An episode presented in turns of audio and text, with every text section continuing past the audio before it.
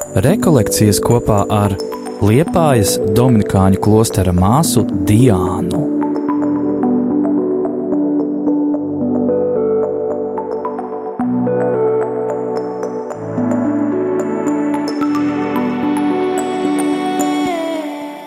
Un kā reaģē Dievs?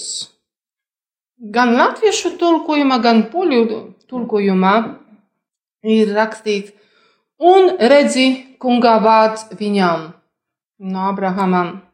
Bet oriģinālā valoda tur ir rakstīts, un pēkšņi, un pēkšņi, un pēkšņi kunga vārds atnāca pie Abrahama. Tas nozīmē, ka Abrahamam tā bija pēkšņa un dziļa pieredze, piedzīvojums. Kāda? Tajā tumsā un miglā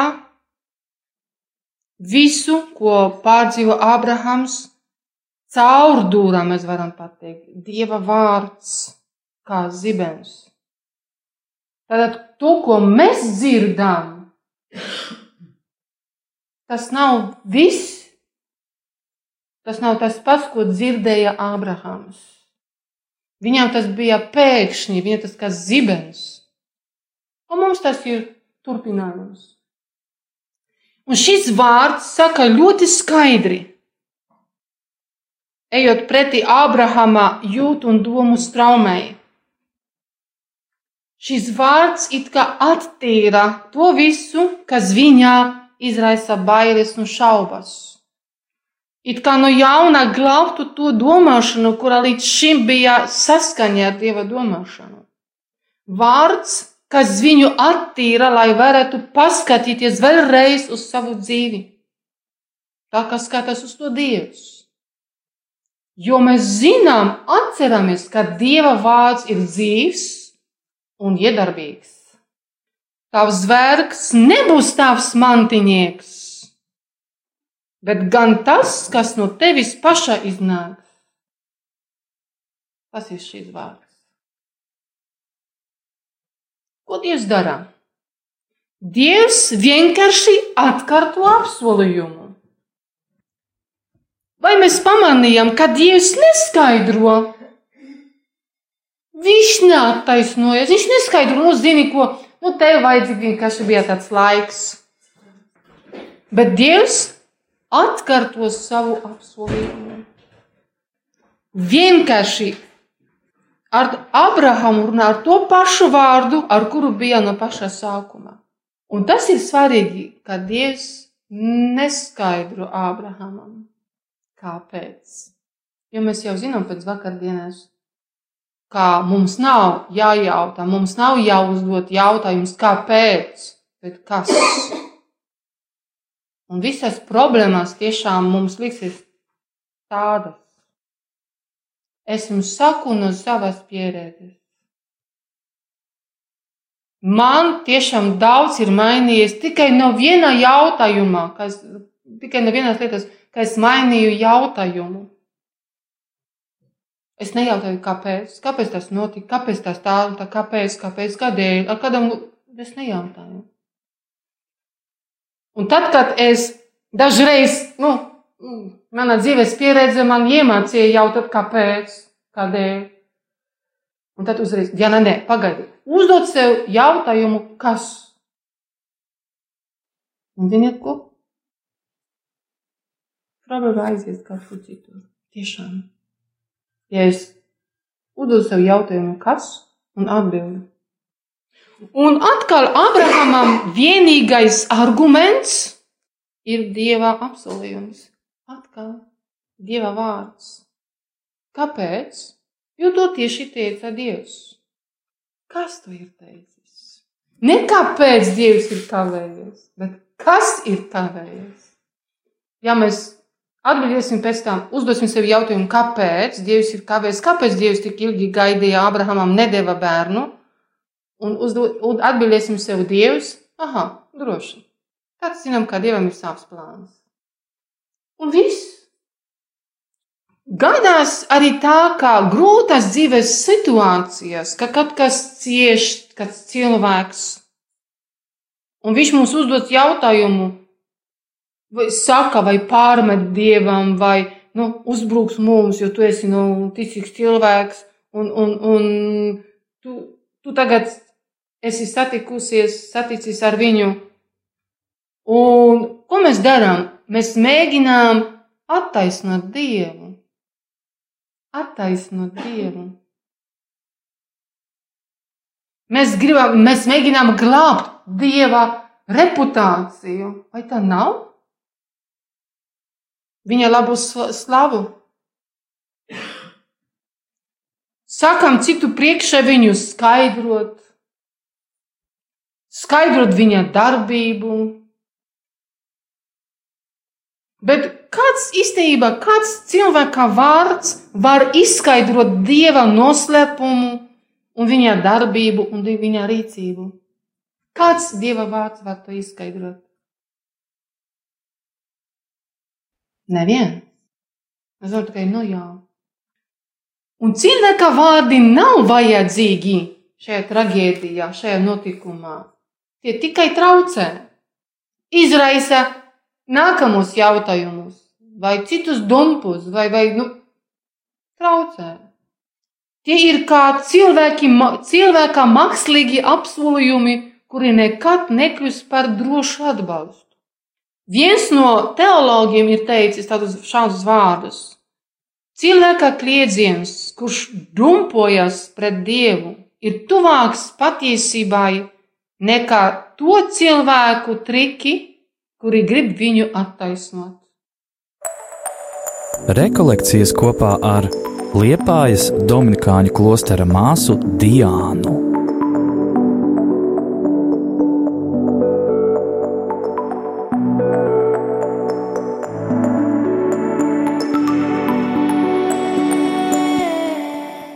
Ja šis cilvēks dumpojas, un viņš izsaka savas, nu, sava, nezinu, savas dumpus, savas, savas dusmas, tad šie kliedzieni, šis kliedziens ir tuvāks dievam nekā to, ko mēs mēģinām nu, viņu mierināt, izskaidrot un tā tālāk attaisnot dievu.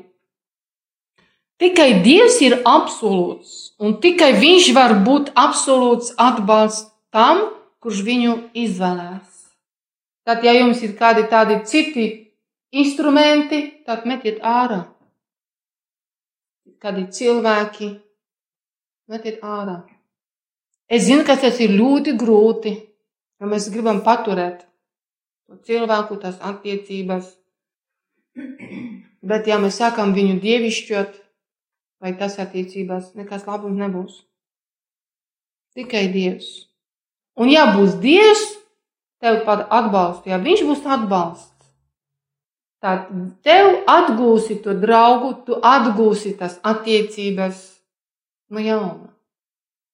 Tā kā es teicu, Dievs atkārto savu apsolījumu. Pats Dievs ir viņa apsolījums.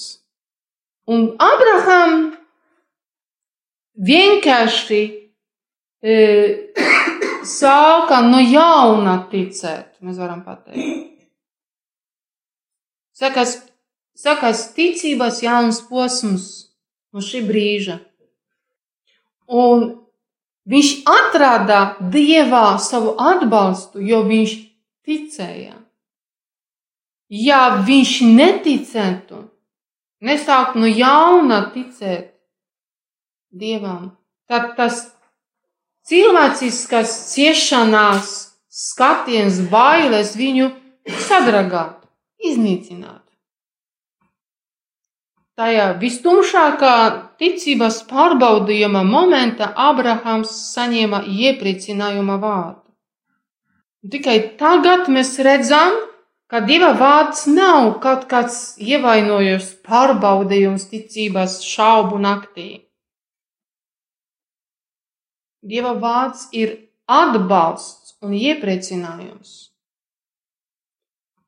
apsolījums bez skaidrojuma un attaisnojuma. Tā kā es teicu, mēs esam pieraduši, mēs gribam zināt, kāpēc. Ne. Tas nebūtu jau ticība. Ja mēs atceramies, ko nozīmē ticība, kas ir ticēt, sekot dievam, pat ja mēs nesaprotam viņa takas, Tā ir ticība.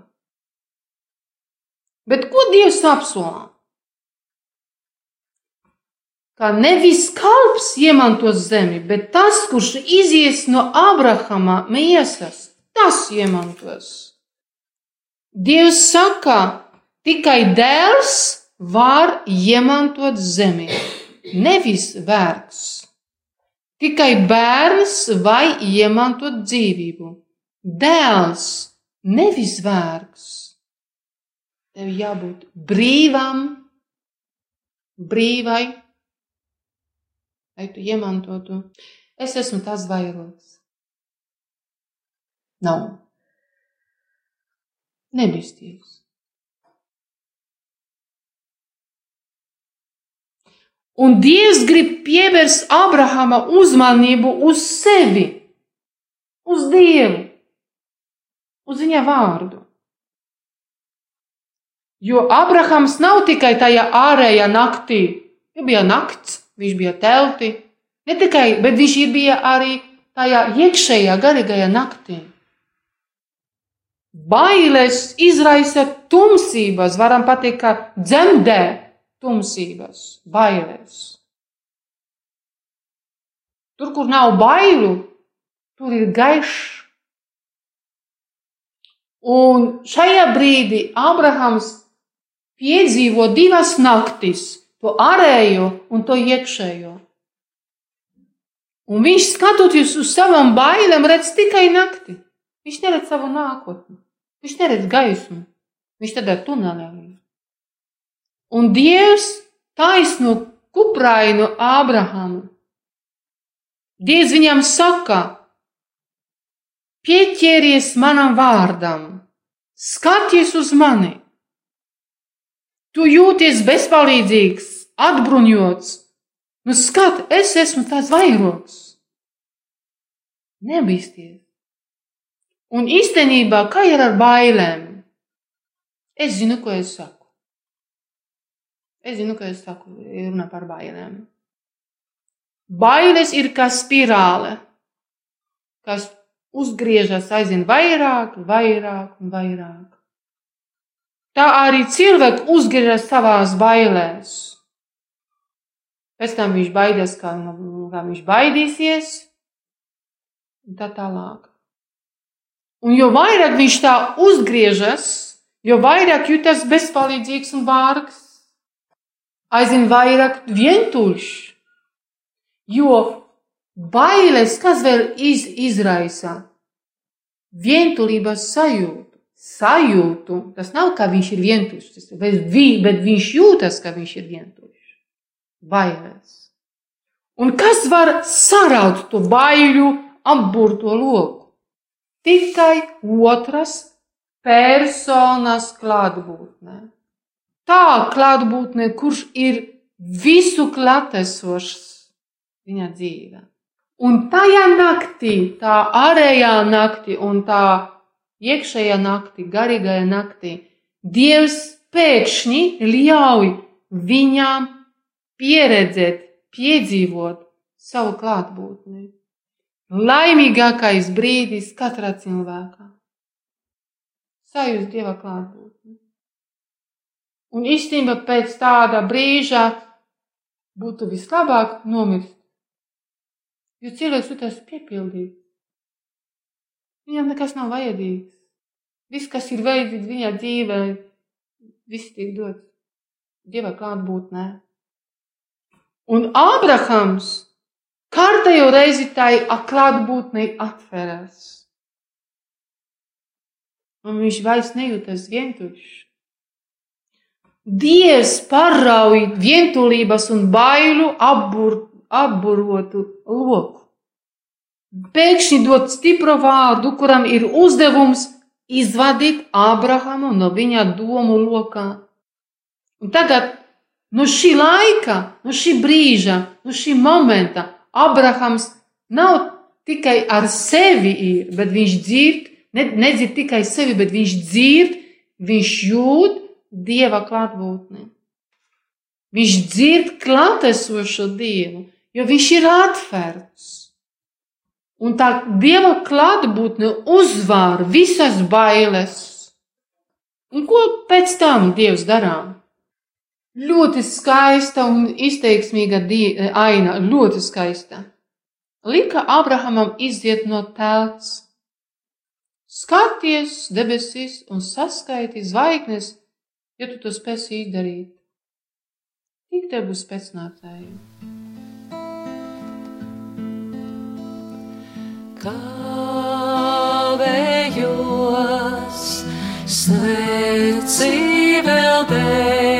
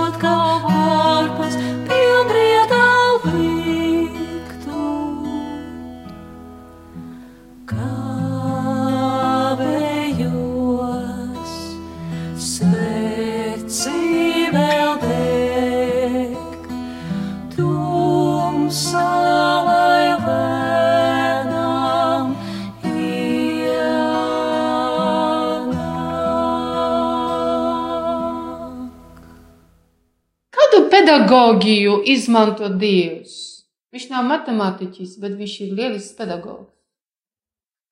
Un tādu metodi, tādu pedagoģiju Dievs izmanto katru dienu. Vienmēr tad, kad mēs koncentrējamies uz sevi. Dievs izveda Abrahamu no telts ārā laukā. Tas nozīmē, ka izveda ārpus viņa ieslēgšanās bailēs ārpus viņa domām.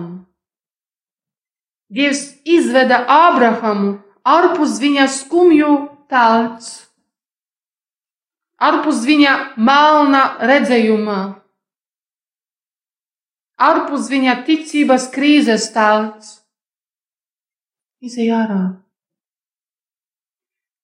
Ko Jēzus teica Lācaram, kurš nomira?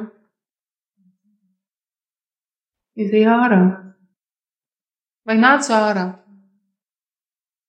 Mēs varam lasīt simboliski, kaps, kas ir kaps? Es, tu, iziet ārā.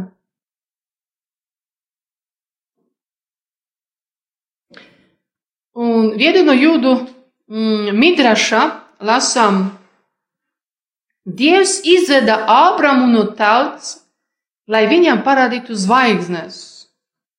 Un Dievs teica Ābramam, izej ārpus tavas astroloģijas. Aizmirsi par savām astroloģiskiem aprēķiniem, kuri paredz, ka tev priekšā ir tikai nāve, ka viss beigsies. Iziet ārā savai, tavas, ārpus tavas astroloģijas. Un Dievs izveda Ābramu no tautas ārpus viņa domāšanas, ārpus viņa aprēķiniem. Tev nav 99 gadi. Ābrahams skaita, man ir 99 gadi. A Dievs saka, saka, tev nav. Vēl vairāk, izvedot viņu no tautas, liek viņam skatīties debesīs, ne uz priekšu, bet augšā. Un es tiešām ļoti bieži taisu ciet savās acīs, un tagad domāju, kā tas viss notika. Ir tums, zvaigžņu šausmīgi daudz, tāds. Un viņš saka, ej ārā, skaties uz debesīs. Redzi tās zvaigznes? Oh, es tā gribētu. Un tajā attēlā, tajā ainā ir paslēpta vēsts, labā vēsts, kad ziņojums. Dievs atgādina viņām par apsolījumu par pēcnācējiem. Liek viņām skatīties uz augšu, debesīs. It kā gribētu viņam pateikt, Ābram, iztaisnojies! Iztaisnojies! Pārstāj skatīties tikai sevi un savas bailēs, skumjas. Paskaties uz zvaigznēm, pārvārīs sevi. Paskaties augstāk, tu kaut ko citu redzēsi. Bet tev, ja, ja ir jāiziet, iziet, jāiziet no tautas, tā kā no agrāk bija no zemes, tagad no tautas. Paskaties augstāk par saviem pratojumiem, par saviem skatījumiem. Tie ir tavi prato, preto, pratojumi, tie ir tavi skatījumi. Skaties augstāk. Un tad, kad Ābram ļauj sevi izvadīt no tautas, tieši tajā brīdī atkal dzird apsolījumu. Nedzird vairs savas bailes, bet divu apsolījumus. Tik daudz tev būs pēcnācēju. Tikai tik viņam saka. Bet mēs varam pateikt, ka par daudz Dievs viņam ir teicis. Varam pateikt, ka šis apsolījums ir pārāk liels. Nešķiet jums? Ja viņam teiktu, es tev došu dēlu, būtu Abrahamam daudz vieglāk tam ticēt. Bet viņš teica, tev būs vairāk nekā zvaigžņu. Tikmēr viņš dzird, ka viņa pēc tam būs tik daudz, cik zvaigžņu debesīs. Tik daudz. Tad lielām apsolījumam ir vajadzīga tagad liela ticība. Mēs skatāmies, mēs dzirdam savādāk nekā Ābrahāms. Mums jau ir pieredze, mēs jau redzam, par kādu, par kādiem pēcnācējiem viņš ir runājis Ābrahamam. Par mani un par tevi. Tu esi Abrahama pēcnācējs. Es arī. Bet viņš domāja, Abrahams citādāk. Nu, kā viņš nu, ieticēja Dievam? Un dot, nedod, Dievs nedod zīmi, lai pierādītu, ka apsolījums piepildīsies. Mēs bieži meklējam apstiprinājumu, apstiprinājumu savai ticībai, nevis Dieva vārda, bet zīmes. Mums patīk zīmes brīnumi. Kas ir brīnums Bībeles valodā? Zīme. Mēs gaidām brīnumu. Dievs nedod zīmi, kas saka, es tev pierādu, ka mans apsolījums piepildīsies. Dievs nesaka Abrahamam, skaties debesīs, ja tu redzēsi zvaigznes, kurās krīt no debesīm, tad tev būs pierādījums, kā mans apsolījums piepildīsies. Viņš pateica, skaties, saskaitiet to mani, un tik tev būs tev pēcnācēji. Tā ir ticība. Viņš nesaņem apsolījumu, nesaņem zīmi, bet apsolījumu. Viņa ticība nevar atbalstīties uz zīmēm. Viņam ir jāatbalstās uz apsolījumiem. Un Abrahams ieticēja Dievam kārtējo reizi bez jebkādiem jautājumiem, neprasa zīmi, pieķeras apsolījumam. Un viņš ticēja kungam, un tas tika pieskaitīts viņam par taisnību. Tas ir ļoti svarīgi, jo šis vārds ticēja nozīmē, ka Ābrahams pilnīgi sevi uzticēja Dievam. Pilnīgi atkal. Šajā naktī viņš pilnīgi uzticēja Dievam. Un Dievs redz, ka Abrahams ir taisnīgs. Ko tas nozīmē šajā brīdī, šajā nozīmē? Ka viņš nemaina savu pirmotnējo lēmumu. Arī pēc tādas tumsas nakts, kuru viņš piedzīvoja savā teltī, ārējā un iekšējā. Abrahams ir uzticīgs Dievam, kurš ir uzticīgs. Uzticīgam Dievam. Tu svētais above.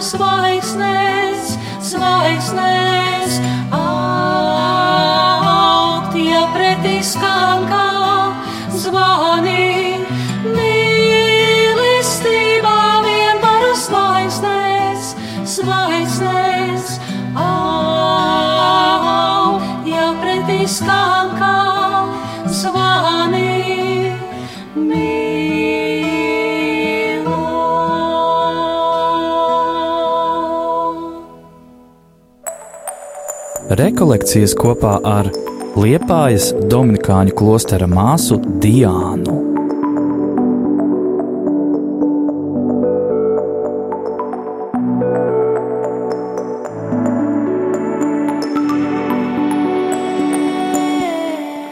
Kad Abrahamam ir tr- 99 gadu, bet Sārai 90, viņam, viņam ir vīzija. Viņš dzird apsolījumu. Viņa tev dzemdes dēlu. Un tas tik ļoti viņu sasmīdināja, ka aiz smiekliem viņš apgulās zemē. Iedomājamies, es to jau redzu. Šajā filmā nebija, bet tekstā ir. Man 90 gadu man būs bērns. Un Abrahams krita uz sava vaiga, smējās un teica savā sirdī: Vai simts gadu vecam vēl dzims bērni? 17. nodaļa, 17. pants. Varbūt arī jūsu dzīve bija, ir bijusi kaut kā tāda lūkšana. Nu, tu Dievs mani sasmidināji. Varbūt. Man gadījies, rēti, bet gadījies. Bet tajā smaidā mēs varam pateikt, ir arī tāds sarkasms. Vai 90 gadu vecā Sāra var kļūt par māti? Un vēl pēc tam uzreiz saka Abrahams tā, nu, kaut, ī, kaut tik izmērs dzīvotu tavā priekšā. Nu, Dievs, kaut tik drusciņi izdarīt, tad es priecāšos. Nu, labi, tu nevari to apsolījumu piepildīt, nu, lai, lai ir, nu, man nav, nebūs tā pēcnācēja, nu, lai vismaz, lai īsmēram iet labi. Samazina Dievu apsolījumu. Grib palīdzēt. Nu, labi, es būšu apmierināts par to izmēru. Dievs viņiem grib uzbažās ar to dāvanu, a viņš ne, ne, ne, man pietiks ar izmēru. Dievs tev grib dot visu, bet tu saki, nē, nu vismaz, lai man būtu veselībiņa. Nu vismaz, lai man būtu darbiņš. Vismaz tikai, nu, būs labi. Bet mēs saprotam Abrahamu, kāpēc viņš tā eh, norēģēja. Un tādā vecumā neviens nevar kļūt par, nec par māti, nec par, par tēvu. Un Dievs, redzot Abrahama reakciju, atkārtoja savu apsolījumu, lai viņam nebūtu vairs šaubu. Tava sieva Sāra dzemdēs tev dēlu, un vēl, un tu nosauksi viņu Īzāks. Un tajā vārdā paslēpts ir apstiprinājums, ka Dievs vienmēr piepilda savus apsolījumus. Vienmēr. Šajā vārdā Īzāks. Tajā ir paslēpts kaut kas, kas liks Ābrahamam vienmēr atcerēties par šo brīdi. Īzāks būs e, Dieva apsolījuma zīme, atgādinājums Ābrahamam. Mēs varam pateikt, vienmēr, kad viņš skatījās uz Īzāku, savu dēlu, viņš atcerējās par Dievu, par Dieva apsolījumu, par to, ko viņš ir, tā, ir izvērens, ka viņš var darīt nespējamas lietas. Kas jums un kas jūsu dzīve ir kaut kas, kāds, nezinu, cilvēks, notikums, lietā, priekšmets, kas jums atgādina, ka tiešām Dievam viss ir iespējams? Ir kaut kas tāds? Lai vienmēr šis cilvēks, notikums, priekšmets, lietā būtu jūs priekšā. Sevišķi tad, kad jums būs nakts sevišķi tajā brīdī. Saglabājiet, lūdzu, šo dieva, var pateikt, zīmi, atgādinājumu, smaidu, mēs varam pateikt. Atstājiet, saglabājiet dieva smaidu. 18. nodaļā lasām, kā pie Ābrahama atnāca noslēpumaini ciemiņi.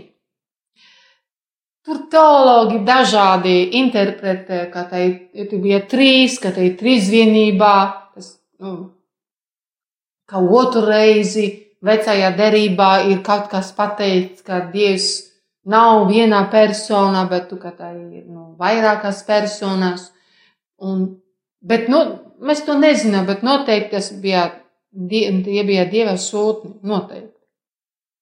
Un tajās tikšanās redzam, cik tuvas attiecības bija starp Dievu un Abrahamu. Vai šajā pirmajā daļā bija tas, tas šis brīdis, kad atnāca tie trīs ciemiņi? Nē? Kā man patīk šis jāina. Es vienkārši iemīlējos tajā. Viņš bija, viņš, viņš, tik, viņš bija pārlaimīgs, Abrahams. Jūs redzat, viņš ir, viņš ir tik, viņš pat nemāk runāt, viņš ir tik laimīgs, jo viņš zina, ka tas ir Dievs. Viņš, viņš, viņš nemācīja runāt. Viņš nezināja, kā, ko darīt. Nu, oh. Viens no ciemiņiem saka, pēc gada šajā pavasara laikā es atkal atnākšu pie tevis, bet tavai sievai sārai būs dēls. Sārā stāvēja telts ejā un, un, un smējās pie sevis. Un šoreiz sasmidinājās sāru dievs. To pamanīja kungs un pajautāja, kādēļ smējas? Kāpēc? Dievs pajautāja. Bet sārā liedzas, es nesmējos. Nē, nē, tu smējies. Ir vērts runāt dievam un ar dievu par visu. Ir vērts runāt.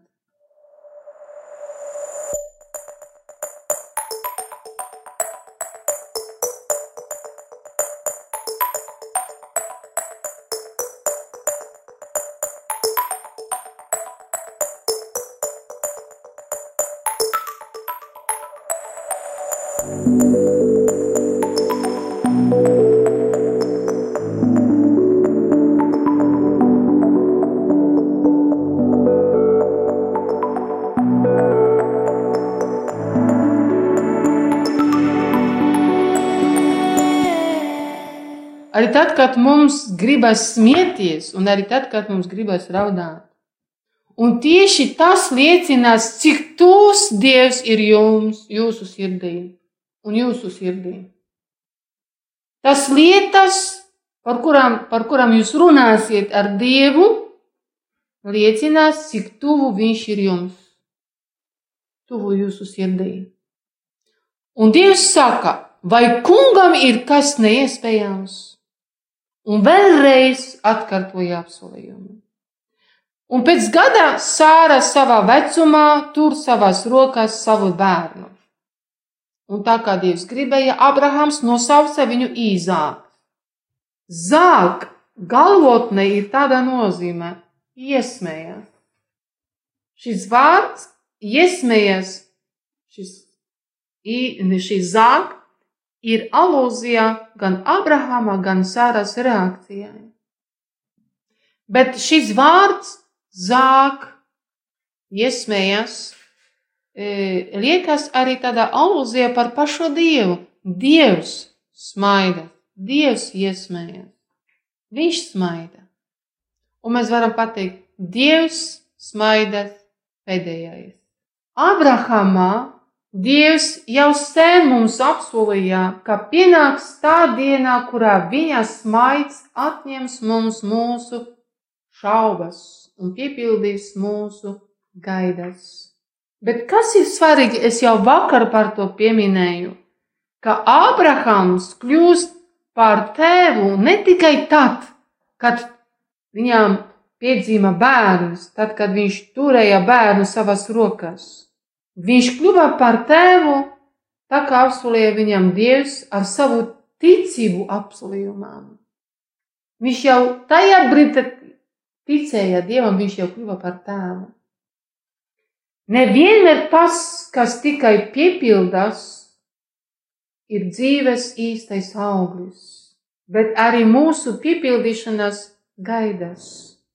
Mūsu uzticība var dot skaistus dzīves augļus. Apsolījums jau piepildās dzīves gaitā, tāpēc ir svarīgs lēmums Ja būs tikai lēmums no mūsu puses, jau piepildās Dieva apsolījums. Tāpēc Jēzus ir teicis, ka jau debesu valstībā jau ir klāt. Jau ir klāt virs zemes. Ne tikai šis brīdis, kad mums ir auglis rokā, bet viss šis ceļš, lai sasniegtu to augli. Ceļš.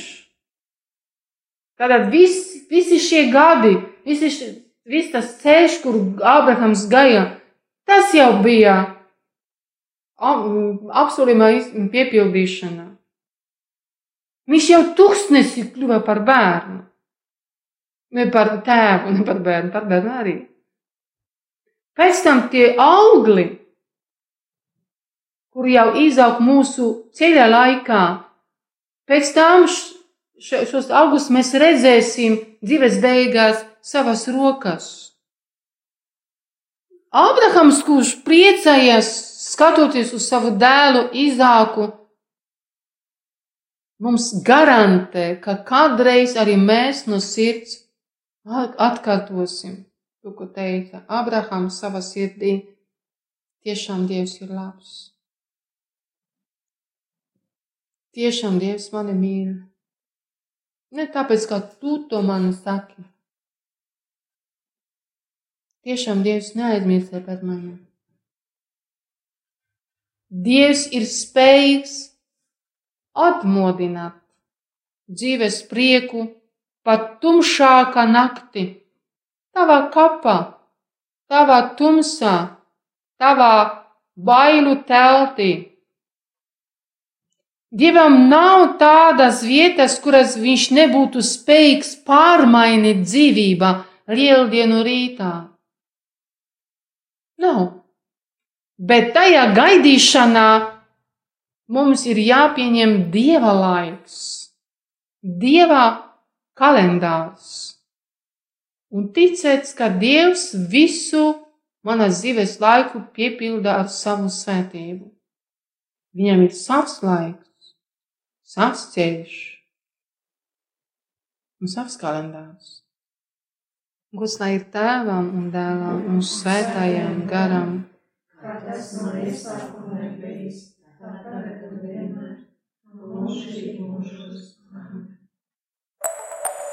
Rekolekcijas kopā ar Liepājas Dominikāņu klostera māsu Diānu.